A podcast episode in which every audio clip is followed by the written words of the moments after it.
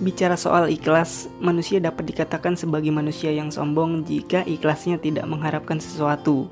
Karena banyak sekali nih orang yang masih salah menafsirkan bahwa ikhlas itu artinya tidak mengharapkan imbalan. Kita nggak boleh nih bicara kayak gini, saya mah nggak berharap surganya Allah, saya mah nggak berharap ridhonya Allah, dan saya mah bantu teman saya ya karena ikhlas aja itu sombong. Padahal kan semuanya Allah yang tawarkan gitu, termasuk surganya Allah. Jadi ketika kita bicara seperti itu, seolah-olah tuh kita nolak gitu sama apa yang Allah kasih ke kita. Nah, makanya arti ikhlas itu sendiri bukan tidak mengharapkan apa-apa, tetapi tidak mengharapkan apa pun kecuali berharap kepada Allah, mengharapkan surganya Allah dan mengharapkan ridhonya Allah.